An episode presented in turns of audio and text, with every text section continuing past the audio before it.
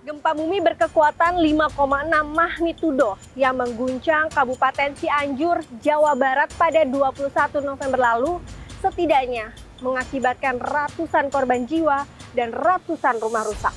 Bencana ini tentunya menjadi alarm bagi kita semua untuk meningkatkan mitigasi di daerah-daerah rawan gempa. Salah satunya di DKI Jakarta yang memiliki potensi gempa akibat sesar baribis. Lalu apa sebenarnya sesar baribis dan seberapa bahayanya mengancam ibu kota dan bagaimanakah cara untuk memitigasinya? Peneliti Pusat Riset Kebencanaan Geologi Badan Riset dan Inovasi Nasional BRIN, Nuraini Rahma mengatakan, sesar baribis adalah sesar atau rekahan aktif yang membentang dari timur hingga barat Pulau Jawa. Sesar ini juga melintasi sisi barat Subang, Purwakarta, Bekasi, Depok hingga Jakarta. Rahma mengatakan sesar Baribis memiliki potensi gempa lebih dari 6 magnitudo bagi Jakarta.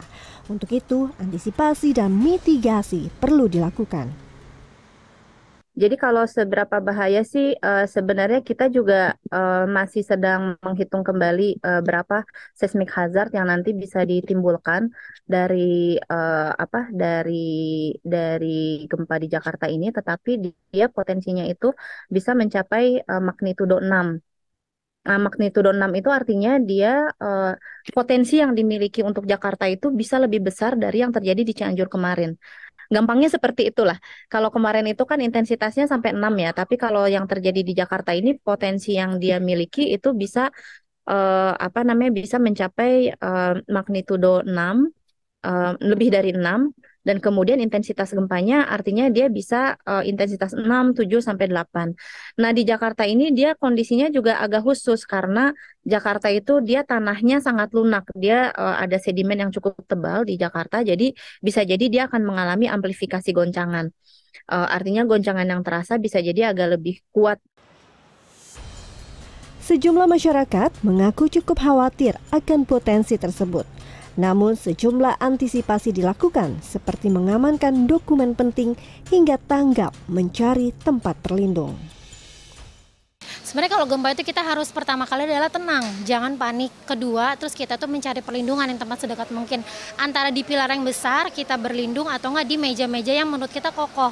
Nah, kalau misalnya kita gempa posisi di kantor, kalau misalnya gempa kita posisi di rumah, yang pertama kita selamatin adalah anak dulu, kita gendong, habis itu uh, kita ngeliat uh, barang-barang yang penting untuk anak seperti popok itu kita ambil dulu terus kita lari keluar rumah. Bukan hanya gempa sih pada dasarnya, kita benar-benar harus menyiapkan dokumen-dokumen penting di rumah kita ditaruh atau diletakkan atau di satu tempat yang supaya kalau misalnya ada apa-apa yang darurat langsung bisa diambil untuk diselamatkan.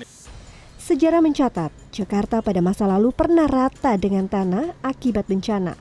Pertama pada 5 Januari 1699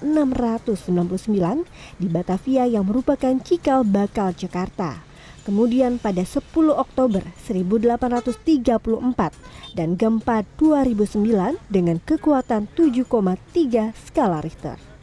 Rahma juga menyebutkan beberapa cara untuk menghadapi dan mengantisipasi dampak bencana gempa. Sebelum gempa sebaiknya kenali lingkungan, ketahui jalur evakuasi, perhatikan struktur dan kekuatan rumah. Simpan dokumen penting pada tas yang mudah dibawa dan ketika gempa terjadi, tetap tenang, bersembunyi di bawah meja. Jika di dalam rumah, sebaiknya keluar dan cari tempat yang aman, sehingga dampak gempa dapat diminimalisir. Nova Nayantaka, Indra Raharja, Jakarta.